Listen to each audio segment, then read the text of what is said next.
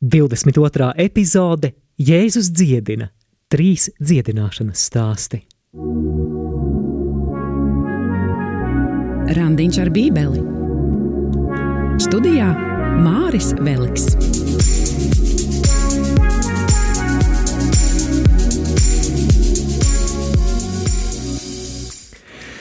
Sveicināti, sveicināti, darbie radio klausītāji, darbie Bībeles lasītāji. Mēs šodien sākam mūsu Mateja evaņģēlijas studijās lasīt jaunu nodaļu.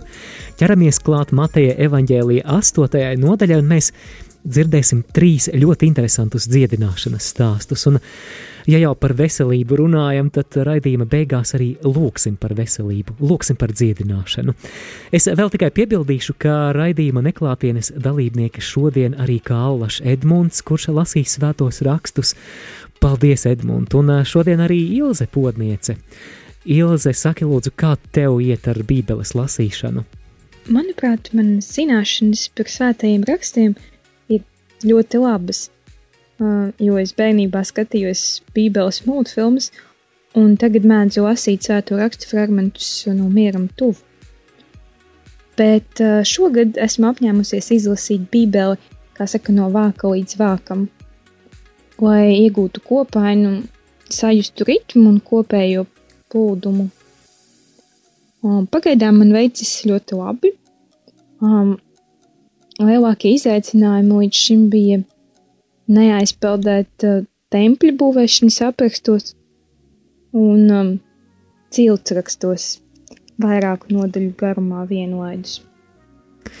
Jā, paldies, Ilze, lai veicas, un ja arī tu klausītāji vēlies dalīties raidījuma laikā, kā tev šogad iet ar bībeles lasīšanu, un vai esi arī izmēģinājis kādu no bībeles meditācijas sešām metodēm, par kurām runāju iepriekšējā epizodē, tad priecāšos arī dzirdēt, bet pirms mēs ķeramies klāt bībeles studijām, lūksim Dievu. Dieva tēva un dēla un svētā gara vārdā – Āmen. Jēzu, Šajās Bībeles studijās viss gods un slava tev. Mēs vēlamies tevi vairāk iepazīt, vairāk iemīlēt, un mēs lūdzam, ļauj mums šodien arī noticēt tam, ka tev pieder vara un autoritāte arī dzen pār slimībām. Tēvs mūsu, kas esi debesīs, svētīts lai top tavs vārds, lai atnāk tava valstība, tavs prāts, lai notiek kā debesīs, tā arī virs zemes. Mūsu dienascho maizi dod mums šodien, un piedod mums mūsu parādus, kā arī mēs piedodam saviem parādniekiem. Un neieved mūsu kārdināšanā, bet atpestī mūs no ļaunā Āmen. Svētais Matei lūdz par mums Dieva tēva un dēla un svētā gara vārdā Āmen. Pirms divām nedēļām raidījumā mēs noslēdzām studēt Kalnas prediķi, kas ir pirmā no piecām Jēzus runām Mateja evaņģēlijā, un atcerēsimies, kādu apbrīnas reakciju Jēzus vārdi bija izsaukuši klausītājos. Lasu no Mateja 7. nodaļas 28. un 29. pantu. Ļaudis brīnījās par viņa mācību, jo viņš tos mācīja kā tāds, kam vara, un ne kā viņu rakstu zinātāji. Es apzināti uzsvēru šo vārdu vara, jo šai domai, ka Jēzum ir vara, būs ļoti svarīga loma arī mūsu šodienas tekstā, un galu galā Jēzus savu varu un autoritāti apliecina ne tikai ar sludināšanu, bet pirmkārt jau darbībā, caur dziedināšanām, caur eksorcismiem, jeb ļaunā gara izdzīšanām, un par to vēstīs arī turpmākais evaņģēlija teksts, 8. un 9. nodaļa. Un šajās divās nodaļās mēs atradīsim deviņus dziedināšanas stāstus, kuri ir sakārtoti pa trim. Jā, tātad trīs bloki pa trim. Un šos trīs dziedināšanas blokus šķir arī tādi īsi iestarpinājumi par māceklības tēmu. Bet eh, šodien raidījumā mēs analizēsim pirmās trīs dziedināšanas šajās nodaļās, un tās, kā mēs redzēsim, darbībā pauž Jēzus autoritāti un varu.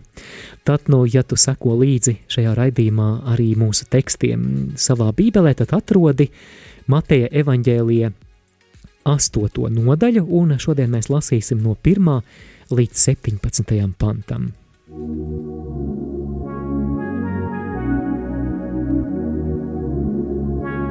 Sākam jaunu nodaļu. Tātad Mateja evaņģēlija astotā nodaļa un pirmais dziedināšanas stāsts būs par spitālīgo, otrais par romiešu centurionu un viņa kalpu un trešais par Pētera sievas mātes dziedināšanu. Lasām pirmo dziedināšanas stāstu Mateja 8. nodaļa no 1. līdz 4. pantam. Edmund? Viņš no kalna nokāpa, viņam daudz ļaužu sekoja, un redzi, kāds spitālīgais pienāca, nometās ceļos viņa priekšā un sacīja: Kungs, ja tu gribi, tu vari man šķīstīt. Un viņš roku izstieps, to aizskāra un sacīja: Es gribu, top šķīstīts. Un tūlīt tas tapa šķīsts no savas spitālības. Un Jēzus viņam sacīja: Pielūko, ka tu to nevienam nesaki, bet noej un parādi savam priesterim, un upurē to dāvanu, ko Mozus pavēlējis viņam par liecību. Jā, šeit ir vairākas lietas, kurām es aicinu pievērst šajā tekstā uzmanību. Un tad nu, pirmais plāna punkts mums būs. Spitālīgo status. Jā, šeit mēs sāksim ar to, kas tad vispār ir spitālība. Tā tiek saukta arī par lepru jeb Hansena slimību. Tā ir hroniska slimība, ko izraisa baktērijas Mycobacterium lepre un Mycobacterium lepromatozis, un galvenās izpausmes ir izsitumi vai mezglu veidošanās ādā, gļotādā un nervu bojājumi. Senajā pasaulē to uzskatīja par ļoti lipīgu sērgu, bet neviena veselības risks saistījās ar spitālību. Tā kā saskaņā ar vecās derības likumu un precīzāk Levītu grāmatas 13. un 14. nodaļu lepras slimnieks tika uzskatīts par rituāli nešķīstu, tad arī kontakts ar lepras slimnieku padarīja pašu kontaktpersonu par rituāli nešķīstu. Kas īsti ir rituālā nešķīstība? Jā, šis ir ļoti vērtīgs jautājums, jo mūsu izpratnē nešķīsts saistās ar kaut ko grēcīgu, vai ne? Tomēr vecajā derībā morālā nešķīstība, kas patiešām saistās ar kādu grēku, tika nošķirta no rituālās nešķīstības. Tātad šis status nešķīsts nenoteikti saistījās ar grēku, piemēram, bērna dzemdības, pieskaršanās mirušā ķermenim apbedījot vai kāda ādas slimība padarīja cilvēku rituāli nešķīstu, lai arī tur nav nekā grēcīga. Tomēr šo apstākļu novirza, ja tā vispār var teikt, no, no tā normālā pēdiņās, no tā ikdienišķā, nostādīja šo personu stāvoklī, ka tā ir izslēgta no jebkādas sabiedriskās un reliģiskās dzīves. Tad, nu, lai atgrieztos tajā normālajā dzīvē, bija jāiziet īpaši šķīstīšanās rituāli. Piemēram, bija rituālā apmazgāšanās. Arī lepras slimnieki saskaņā ar Levītu grāmatas 13. un 14. nodaļu, kā rituāli nešķīsti, tika izslēgti no jebkādas sabiedriskās un reliģiskās dzīves. Bet atšķirībā, piemēram, no kāda, kas pieskāries mironim, kurš galu galā varēja nomazgāties un iziet to šķīstīšanās ceremoniju, lepras slimnieka stāvoklis bija traģisks, jo te, protams, ka nepietika ar šķīstīšanās ceremonijas izpildi, jo galu galā pats lepras stāvoklis parasti nekur arī nepazuda. Un, protams, kamēr šis stāvoklis turpinājās, cilvēkam bija jānošķiras pašizolācijā prom no sabiedrības. Iemesls, lai citus nepadarītu nešķīstus lasām no Levītu grāmatas 13. nodaļas, 45. un 46. pantu. Ilze, lūdzu. Levītu grāmatas 13. nodaļa, 45. un 46. pants. Spitālīgais, kam sērga, viņa drānas, lai tiek saplēstas, viņa galva, lai ir nesukāta, viņa augšlūpa, lai ir apsakta, un viņš lai kliedz, nešķīsts, nešķīsts. Visu laiku, kamēr viņam ir sēga, tas paliek nešķīsts. Viņš ir nešķīsts, lai dzīvo viens, miteklis tam, lai ir ārpus nometnes. Nu, kā mēs dzirdējām, tad patiešām neapskaužams stāvoklis. Principā viņš bija miris, lai gan joprojām fiziski dzīvs. Interesants moments ir tāds, ko es atradu komentāros, ka, ja Bībelē par citām slimībām ir lietots vārds dziedināt, piemēram, dziedināt no drudža, par lepru jeb spitālību tiek lietots cits izteikums - darīt šķīstu, kas iespējams norāda, ka fiziskās ciešanas lepras gadījumā tika uzskatītas pat par salīdzinoši mazāk nozīmīgām nekā tas īpašais izstumtības stāvoklis, kurā slimnieks atradās. Spitālīgā rīcība. Jā, divas zīmīgas lietas par šo. Pirmkārt, pievērsiet uzmanību, ka spitālīgais vispirms nometas ceļos Jēzus priekšā, un grieķu valodā šeit lietots tāds vārds proskineo, ko var iztulkot arī kā metās zemē, un tas ir pielūgsmes žests. Un vēl viņš nosauca Jēzu par kungu. Grieķu vārds kirie, ko mēs arī pazīstam no liturģijas, kad lūdzam kungs apžēlojies kirie eleison. Otrakārt, spitālīgā lūgums jaunajā tulkojumā skan šādi, lasu 8. nodaļas otro pantu. Kungs, ja vien tu gribi, tu vari mani šķīstīt. Jautājums, kāpēc šeit jaušamas it kā šaubas, vai Jēzus vispār piekritīs to darīt? Viņš saka, ja vien tu gribi, tu vari mani šķīstīt. Ņemot vērā pirms brīža aprakstīto spitālīgā statusu, būtu tikai pašsaprotami, ja jebkurš sevi cienošs jūdu skolotājs viņam atteiktu. Un galu galā, kurš tad grib kļūt rituāli nešķīsts? Jēzus atbild. Apkārtējiem Jēzus atbilde ir pārsteidzoša. Viņš saka, es gribu topi šķīsts. Zināt, kas Jēzus rīcībā ir vēl pārsteidzošāks par piekrišanu. Mēs lasām, ka ieklausies, Jēzus roku izstiepis pieskārās viņam. Kaut kas traks. Mēs jau nu pat runājām, ka saskaņā ar Mūzus likumu ik viens, kas pieskārās spitālīgajam, kļuva nešķīsts. Un te ir kaut kas ļoti interesants.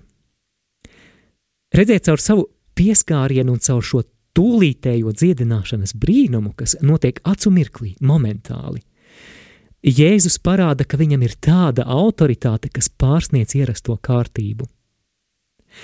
Ja normālā gadījumā tas, kam, tas kas pieskārās spitālīgajam, tapa nešķīsts, tad savukārt, kad Jēzus pieskaras spitālīgajam, ir otrādi - spitālīgais kļūst šķīsts. Tātad šķīstais šeit pieskaras nešķīstajam, un nešķīstais top šķīsts. Mēs lasām 8. nodaļas 3. pantā, un viņš tapa šķīsts no savas spitālības. Jā, te parādās Jēzus kā mesijas autoritāte, jo spitālīgo šķīstīšana tika uzskatīta par zīmi, kas būs raksturīga tieši mesijāniskajam laikmetam. Tam laikam, kad šis dieva apsolītais, dieva svaidītais mesija būs atnācis. Kāpēc Jēzus aicina izdziedināt to nestāstīt par notikušo, bet rādīties priesterim un pienest upurdāvanas? Jā, tik tiešām 4. pantā mēs lasām, pielūko nevienam to nestāsti, bet ej rādies priesterim un pienes upurdāvanu, ko Mūzes ir noteicis viņiem par liecību.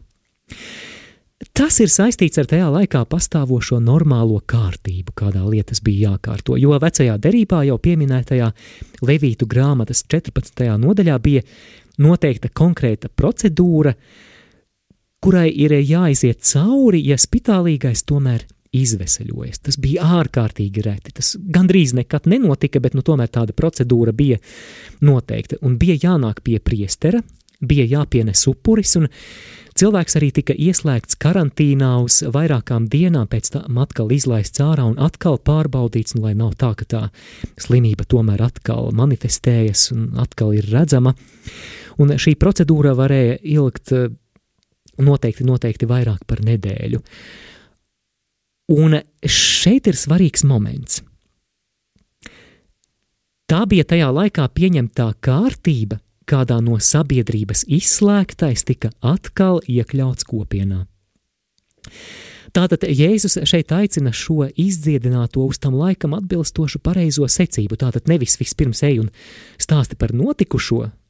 Vienalga, pagaidām tevī neviens negribēs klausīties, bet vispirms tiec oficiāli atkal uzņemts, ja tā var teikt, šķīstajā sabiedrībā. Un pievērsiet uzmanību, ka 4. pantā Jēzus arī piebilst, ka tas ir jādara, citēju, viņiem par liecību. Jā, tas nozīmē, ka Jēzus šeit nav pret to, ka kāds uzzina par viņa paveikto brīnumu darbu. Viņš pat aicina uz liecību, bet mudina, lai par to uzzina caur tajā laikā pieņemto kārtību. Tātad vispirms atkal oficiāli tiek uzņemts sabiedrībā, tad tevi galu galā pieņems, un tad varēsi būt liecinieks, jo pretējā gadījumā nebūs jēgas. Iesaisties ēterā, zvanot uz studijas tālruni 67 969 131 vai rakstot īsiņu uz numuru 266 77 272. Izmanto arī e-pasta iespēju. Studija at rml.lv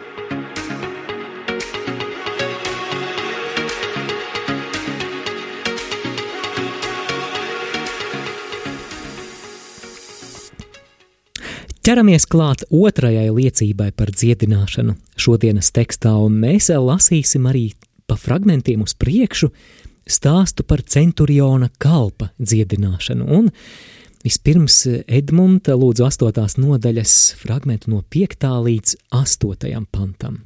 Bet, kad viņš iegāja Kapernaumā, viens virsnieks, centurions, nāca pie viņa, to lūdza un sacīja: Kungs, mans kalps guļ mājās, triekas ķerts un cieši lielas mokas Un Jēzus viņam saka: Es iešu un to dziedināšu, bet viesnieks atbildēja un sacīja: Kungs, es neesmu cienīgs, ka tu nāc manā pajumtē, saki tikai vienu vārdu, un mans kalps taps vesels. Jā, komentārā es uzsvēršu dažus būtiskākos momentus. Vispirms, gluži kā stāstā par spitālīgā dziedināšanu, arī šeit brīnumu saņem kāds, kurš pēc tā laika jūdu uzskatiem īsti tomēr nevarēja pretendēt uz šādu labvēlību no jūdu mesijas. Šis ir centurions, tātad virsnieks pār simts kareiviem, un jā, viņš ir romiešu armijas pārstāvis, un atcerēsimies, ka Palestīna galu galā tajā laikā bija daļa no tās jūdiem nīstamās Romas impērijas. Tātad šis cilvēks bija nejūts. Bet eh, tomēr pievērsiet uzmanību šī cilvēka attieksmei, jo līdzīgi kā spitālīgais arī centurions uzrunā Jēzu Kirie, kungs. Jā, ir patiešām pārsteidzoši kaut ko tādu dzirdēt no okupācijas varas militārā pārstāvja puses. Un gal galā viņš to saka cilvēkam no okupētās, tātad pakļautās tautas. Šī centuriona ticība Jēzus autoritātei, ko mēs arī dzirdēsim tālāk, patiesībā norāda, ka šī uzruna Kirija kungs ir kas daudz, daudz vairāk nekā vienkārši pieklājība. Bet, eh, bet eh, ko tad centurions vēlas? Lai Jēzus nāktu un dziedinātu viņa paralizēto kalpu. Sastais pants. Mans kalps guļ mājās, paralizēts un briesmīgi cieš.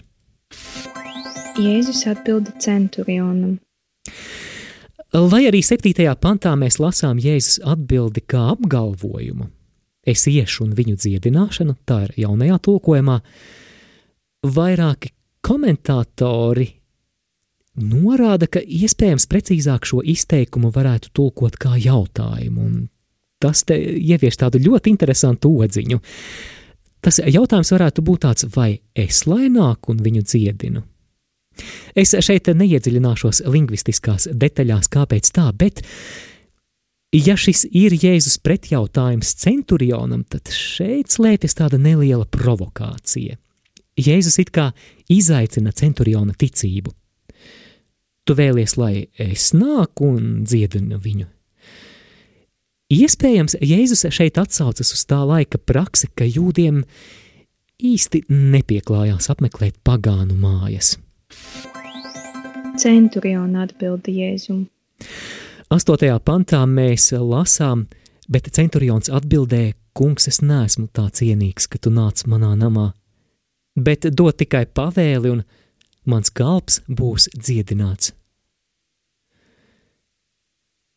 Jā, to varētu pārfrāzēt. Protams, ka es neesmu cienīgs. Es pat nevaru cerēt, ka tu nāksi zem mana jumta. Viss, ko no tevis lūdzu, ir dziedināšanas vārds. Tu vari to izteikt šeit un tagad. Kādā ziņā centurions nejūtās cienīgs? Iespējams, ka 7. pantā uzdotais Jēzus jautājums lika viņam apzināties, ka patiešām no jūdu skatu punkta jūdu reliģiskajam skolotājam it nemaz nepieklātos apmeklēt viņa kā pagāna, tātad viņa nešķīsto namu. Un tomēr, cik fascinējoša šī nejūda ticība, jo viss, kas viņam ir vajadzīgs, ir tikai vārds, un viņš ir pārliecināts, ka Jēzus var paveikt lielas lietas, izsakot tikai vienu vārdu. Centuriona izpratne par Jēzus autoritāti. Jā, par to mēs lasām 9. pantā, nolasīsim arī fragmentu no 8. panta, un tad turpināsim ar 9. pantu. Saki tikai vienu vārdu, un mans kalps taps vesels, jo arī es esmu cilvēks, kas paklausa pavēlēji, un man ir padoti karavīri, un kad es vienam no tiem saku, ej, tad viņš iet, un otram nāc šurp, tad viņš nāk, un savam kalpam dari to, tad viņš dara. Jā, vai Pievērsāt uzmanību, ka, lai izskaidrotu, kā viņš saprot Jēzus autoritāti, centurions izmanto līdzību no savas dzīves. Viņš jau labi zina, ka tad, kad viņš pavēla saviem padotajiem, tie paklausa. Viņš saka kareiviem, soļos marš, un viņi soļo. Viņš saka kareiviem, stāt, un viņi apstājas. Un galu galā viņam ir arī Cēzara apstiprināta autoritāte. Viņš zina, kā darbojas šis varas un autoritātes mehānisms kā darbojas šī hierarhija. Un, kas ir interesanti, ka šis virsnieks pār simt kareiviem nojauš, ka līdzīgs varas mehānisms darbojas ne tikai cilvēciskajā, bet arī garīgajā sfērā. Mēs no viņa teksta saprotam, ka viņš nešaubīgi tic, ka Jēzus autoritātei pakļaujas likumsakarības garīgajā sfērā. Viņš, piemēram, var pavēlēt slimībai un tā paklausa, gluži kā centurionam padotie kareivi paklausa viņa komandām. Desmitajā pantā mēs lasām par Jēzus reakciju uz centuriona rīcību, lasīšu no jaunā tulkojuma. To dzirdēdams, Jēzus izbrīnījās un sacīja tiem, kas viņam sekoja: Patiesi es jums saku, ne pie viena Izrēlā es tādu ticību neesmu atradis. Tad kāda ir Jēzus reakcija? Šeit bija viens vārds, interesants minēts. Viņš brīnījās. Interesanti, ka šī ir vienīgā vieta Mateja evanģēlijā, kur grieķu vārds taumazo, jeb brīnīties, ir attiecināts uz Jēzu, jo citur tauta brīnās, bet šī ir vienīgā vieta, kur Jēzus brīnās, un te mēs varam tikai iztēloties, cik lielu iespaidu šī centuriona ticība uz Jēzu atstāja, un mēs redzam arī galu galā, ka centuriona ticības uzrunāts Jēzus izpilda viņa lūgumu. 13. pants. Ej, lai tev notiek, kā tu esi ticējis, un kalps tapa vesels tanī pašā stundā. Jā, no vienas puses šis ir, protams, stāsts par dziedināšanu, stāsts par to, ka Jēzum ir autoritāte garīgajā sfērā, ka Jēzum ir autoritāte arī pār slimībām. Tomēr bez dziedināšanas šajā stāstā ir vēl kāda svarīga doma, un lasām no 10. līdz 13. pantam. Bet, kad Jēzus to dzirdēja, viņš brīnījās un sacīja tiem, kas viņam sekoja: Patiesi es jums saku, ne pie viena izrēlijas tā ticība neesmu atradis. Bet es jums saku, ka daudzi nāks no austrumiem un rietumiem un sēdēs kopā ar Ābramu un Īzaku un Jēkabu debesu valstībā, bet valstības bērni būs izstumti galējā tumsībā, tur būs kaukšana un zobu trīcēšana. Un Jēzus sacīja virsniekam: Ej, lai tev notiek, kā tu esi ticējis, un viņa kalps kļuva vesels tajā pašā stundā. Jā, Jēzus piemin maltīti ar patriarchiem, ar Ābrahamu, Īzaku un Jēkabu debesu valstībā. Šāda mīlestība attēls jūtiem bija pazīstams, jo šeit atbalsojas pravieša Isaija apsolījums par mesijāniskā laikmeta mīlestību, par ko mēs lasām Isaija jeb Jesajas 25. nodaļā. Pulku kungs nu sataisīs visām tautām treknas dzīves šai kalnā, dzīves ar nostāvējušos vīnu, ar treknuma leknumiem, ar vecu briedušu vīnu. Jā, šis ir stāsts par dieva sapni, par dieva sapni, apvienot visas tautas laiku beigās kunga mīlestībā. Un Jēzus šeit tekstā saka, ka daudzi nāks no austrumiem un rietumiem, tādējādi norādot uz citām tautām, kurām būs vieta šajā mīlestībā. Jā, iespējams, ka šī bija doma, kas daudziem Jēzus laika biedriem īsti nebija paprātam. Un turklāt vēl Jēzus vārdos izskan skarbs brīdinājums – bet valstības dēli tiks izgrūsti ārā tumsībā, tur būs vaimanas un zopu griešana. Vai nav kaut kas pazīstams, ja mēs, piemēram, atceramies stāstu par Jāni Kristītāju Mateja 3. nodaļā? Šeit noteikti atbalstojas Jāņa Kristītāja vēsts, ka, lai būtu par dieva derības cilvēkiem, tātad iekļautiem dieva derībā, šajās īpašās privileģētajās attiecībās ar dievu. Nepietiek tikai fiziski būt par Ābrahama pēcnācējiem. Atceramies, kā Jānis Kristītājs teica, ka Dievs jau galu galā no akmeņiem var Ābrahama bērnus uh, radīt, un tātad ir nepieciešama grēku nožēla. Un uh, arī no šī stāsta par centuriona kalpa dziedināšanu, ka ir nepieciešama ticība Jēzum, lai patiesi piederētu Izrēlim. Un kas ir svarīgi šajā stāstā? Tātad šeit ieskanas kāds svarīgs Mateja evaņģēlija motīvs, ka Dieva glābšanas plāns caur Jēzu Kristu attiecas ne tikai uz jūdiem, bet arī uz pagānu tautām. Šis motīvs atcerēsimies, ka ieskanējās jau stāstā par austrumu gudrajiem, kas bija nejūdu, šie gudrie jeb magi, kas atnāca pagodināt atnāk pagodināt jaundzimušo jūdu ķēniņu, bet šis motīvs tādu kulmināciju Mateja evaņģēlijā piedzīvos pašā noslēgumā, 28. nodaļā, lielajā Jēzus pavēlē. Ejiet un dariet par mācekļiem visas tautas, es vēlreiz uzsvēršu, visas tautas, tās kristīdami tēva, dēla un svētā gara vārdā. Pateicība Dievam, laba ziņa, mums, latviešiem, krieviem, poļiem, citu tautību pārstāvjiem, ka pēc dieva nodoma caur Jēzu Kristu mēs visi esam iekļauti dieva pestīšanas plānos. Gluži kā romiešu centurions. Bet eh, noslēgsim par šo centuriona kalpa dziedināšanas stāstu arī tomēr ar tādu atkāpīti par liturģiju, jo centuriona slavenie vārdi par to, ka viņš nav cienīgs nākt, lai, lai, ka viņš nav cienīgs, lai kungs nāk viņa namā, ir kaut kas ļoti pazīstams no liturģijas mums, vai ne?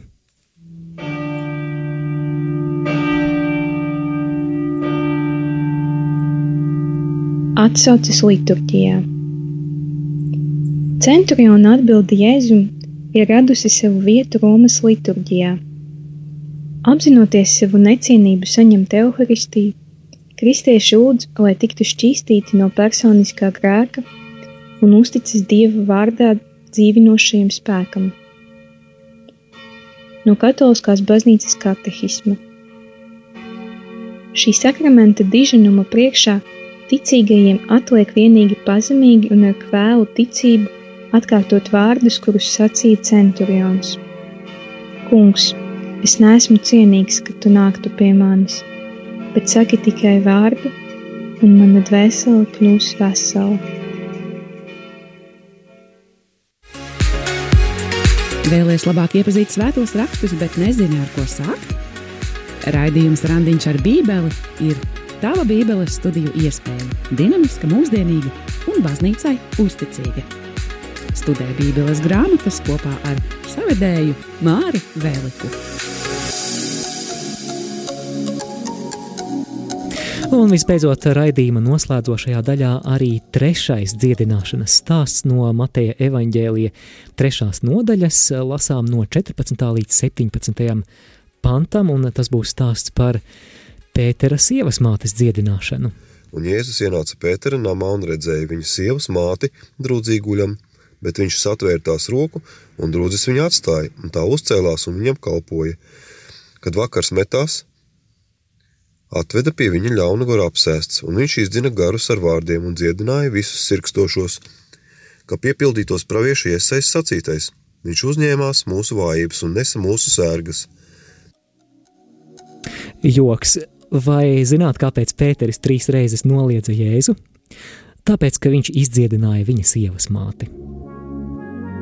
Nu labi, jokus pie malas. Ja esat bijuši svētajā zemē pie Galilejas ezera, iespējams, esat arī apmeklējuši svētā Pētera baznīcu, kura ir uzcelta virs seniem Kapernaumas ēku pamatiem. Un, jā, ļoti iespējams, ka kāds no šiem namiem ir bijis Pētera sievas mātes nams, kurā notika šis aprakstītais brīnums. Un mēs redzam, ka Jēzus šeit kārtējo reizi demonstrē savu autoritāti pār slimībām. Viņš pieskārās tās rokai, un drudzis to atstāja. Un man šķiet interesants moments, ko mēs varam arī pārdomāt varbūt savā privātajā lūkšanas laikā un meditācijā. Man zīmīgi šķiet, ka viņa piecēlās un viņam kalpoja. Jā, Dievs var dziedināt arī mūs, lai mēs kalpotu, lai mēs dotu tālāk. Un tālāk mēs dzirdam, ka slava par Jēzus paveiktajiem brīnumiem izplatās, un jau tā paša vakara laikā, kā mēs to lasām, 16. pantā pie viņa atved jau daudzus dēmonu apsēstus, viņš ar vārdu izdzen šos ļaunos garus, un viņš dziedina visus neveselos, bet ļoti interesants šķieta Mateja, ja tā var teikt, teoloģiskais komentārs par Jēzus paveiktajām dziedināšanām, un par to mēs lasām 17. pantā, kas ir pēdējais pants, ko mēs šodien aplūkojam, un tātad 17. pants 8. nodaļā lasīšu no jaunā tulkojuma.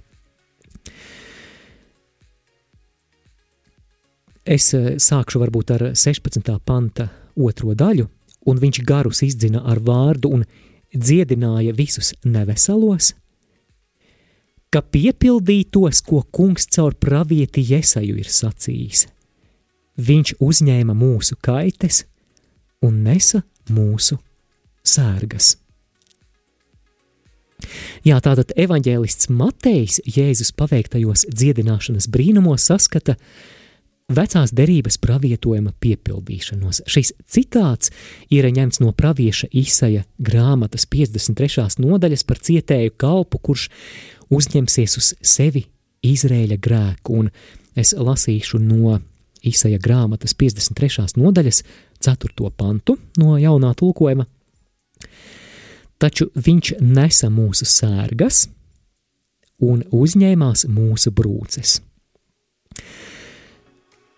Šo 53. nodaļu, ko mēs arī parasti liturģijā dzirdam lielajā piekdienā, Jā, mēs zinām, ka tas ir pravietojums par Jēzus ciešanām un nāvi. Un eh, mēs eh, vienmēr, un baznīca jā, to sasaist ar upuri par mūsu grēku. Te ir runa par Jēzu, kurš uz sevis uzņēmās mūsu grēkus. Īsaja 53.5 ir teikts, ka viņš tika caururpts mūsu pārkāpumu dēļ, sists mūsu vainu dēļ, mūs glāba pārmācība, kas nāca pār viņu – ar viņa brūcēm mēs esam dziedināti. Jā, tātad Jēzus ir uzņēmies uz sevis tavus un manus grēkus, pateicība Dievam, bet tomēr mēs nereti nepamanām vienu, jā, tādu grūtāk pamanāmu aspektu šajā tekstā, ka viņš nesa arī mūsu sērgas. Un šodienas fragmentā Matejs evaņģēlists Matejs tieši šo slimību dziedināšanu, ko Jēzus veids, sasaista ar šo Isaija pravietojumu. Un tā kā šis fragments runā par cietēja kalpa nāvi, kas no tā izriet? No tā izriet, ka Jēzus paveiktie dziedināšanas brīnumi ir cieši saistīti ar viņa krustu. Tātad ar, ar viņa krustu Golgātā, kura viņš svinēja uzvaru ne tikai pār grēku, bet šīs raksturvietas kontekstā mēs varam teikt arī pār mūsu kaitēm. Tātad Jēzus paveiktie dziedināšanas brīnumi izriet no viņa lieldienu noslēpuma.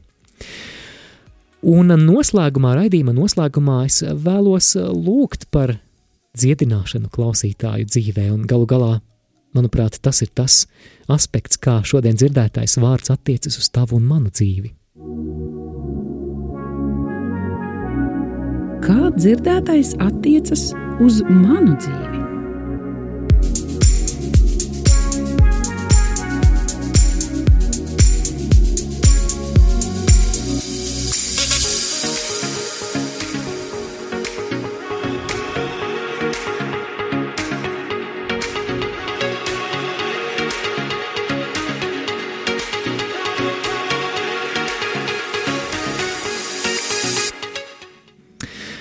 Jā, noslēgumā es vēlos lūgt par tevi, klausītāji, ja tev ir kādas veselības problēmas, un vispirms vēl daži aspekti. Pirmais,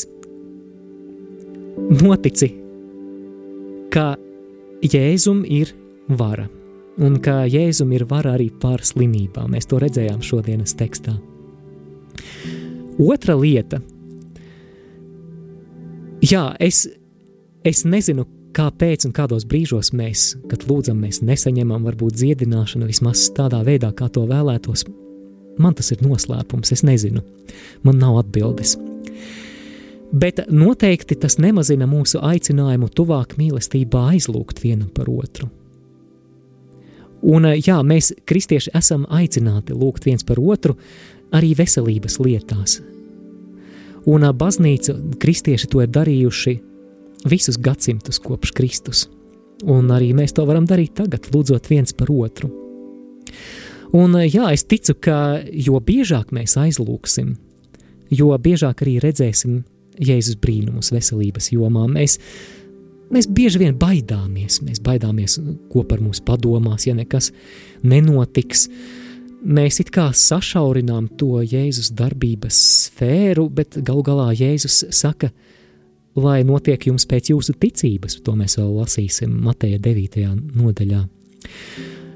Bet tātad, lai tevi stiprina šis vārds, ko mēs šodien dzirdējām no Mateja evaņģēlija, gan no Isaija grāmatas, tātad, ka Jēzus dziedināja, lai piepildītos tas, ko Isais raksta, ka viņš uzņēmās arī mūsu sērgas uz sevi.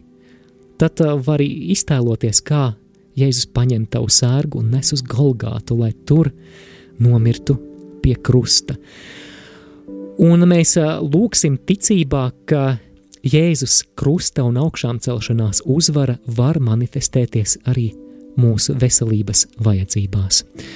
To baznīca ir aicinājusi visos gadsimtos, un es vēlos to darīt arī tagad.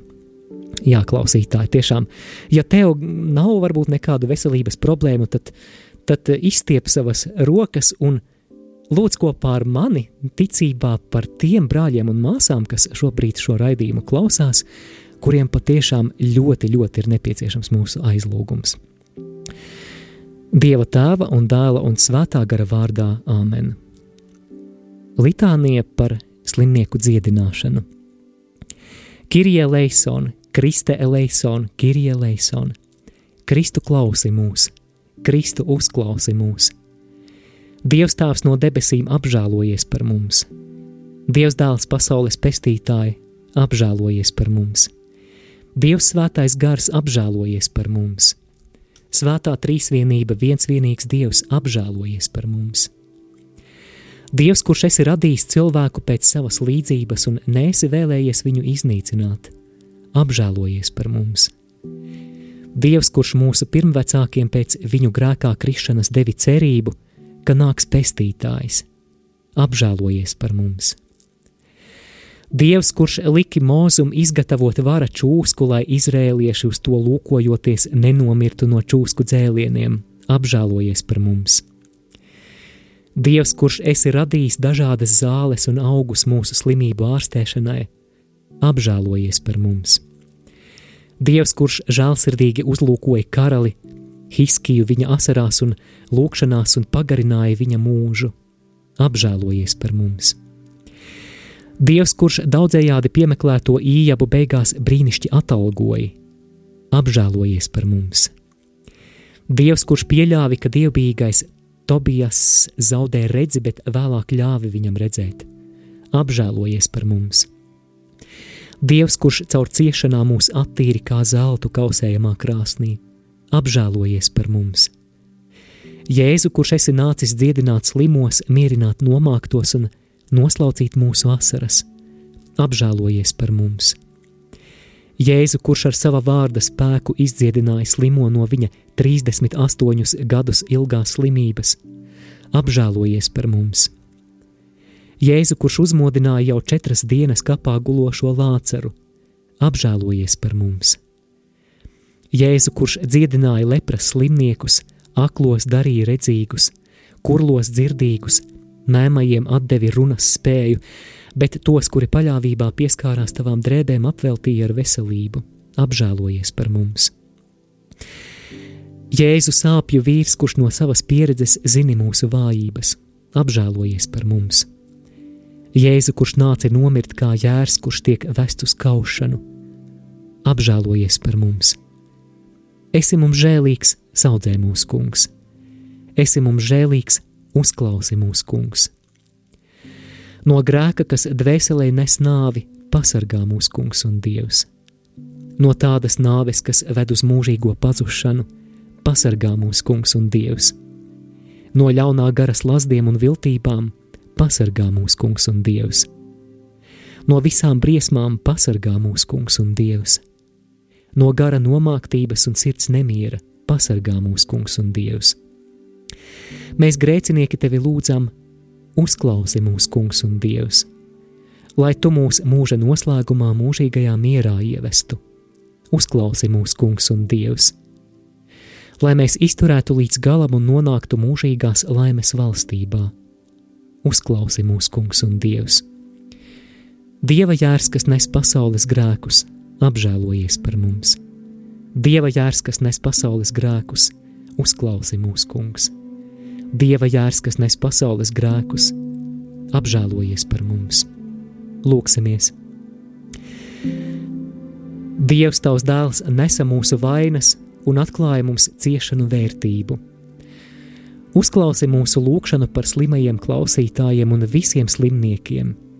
Dari, lai viņi atceras, ka pieder pie tiem, kuriem evaņģēlijas apsola mierinājumu, un justos vienoti ar Kristu, kurš cieš par pasaules pestīšanu caur Jēzu Kristu, mūsu kungu. Āmen! Mīļais kungs Jēzu, tu esi tas pats vakar, šodien un mūžīgi.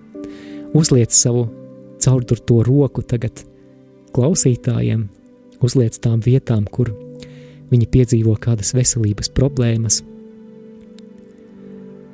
Un, kungs, mēs ticam, ka tu vari teikt tikai vienu vārdu, un dziedināšana nāks. Jēzu pieskaries, pieskaries brāļiem un māsām, un ļauj viņiem sajust tagad tavu dziedinošo spēku. Dziedini arī tos, kas cieš no kādām garīga vai psiholoģiska rakstura problēmām un slimībām. Dziedini tos, kas šobrīd cieš no depresijas. Jēzus Kristus vārdā salauz jebkādu depresijas varu. Paldies, Jēzu! Esi pagodināts! caur to, ko klausītāji saņems. To mēs lūdzam Jēzus Kristus vārdā. Āmen!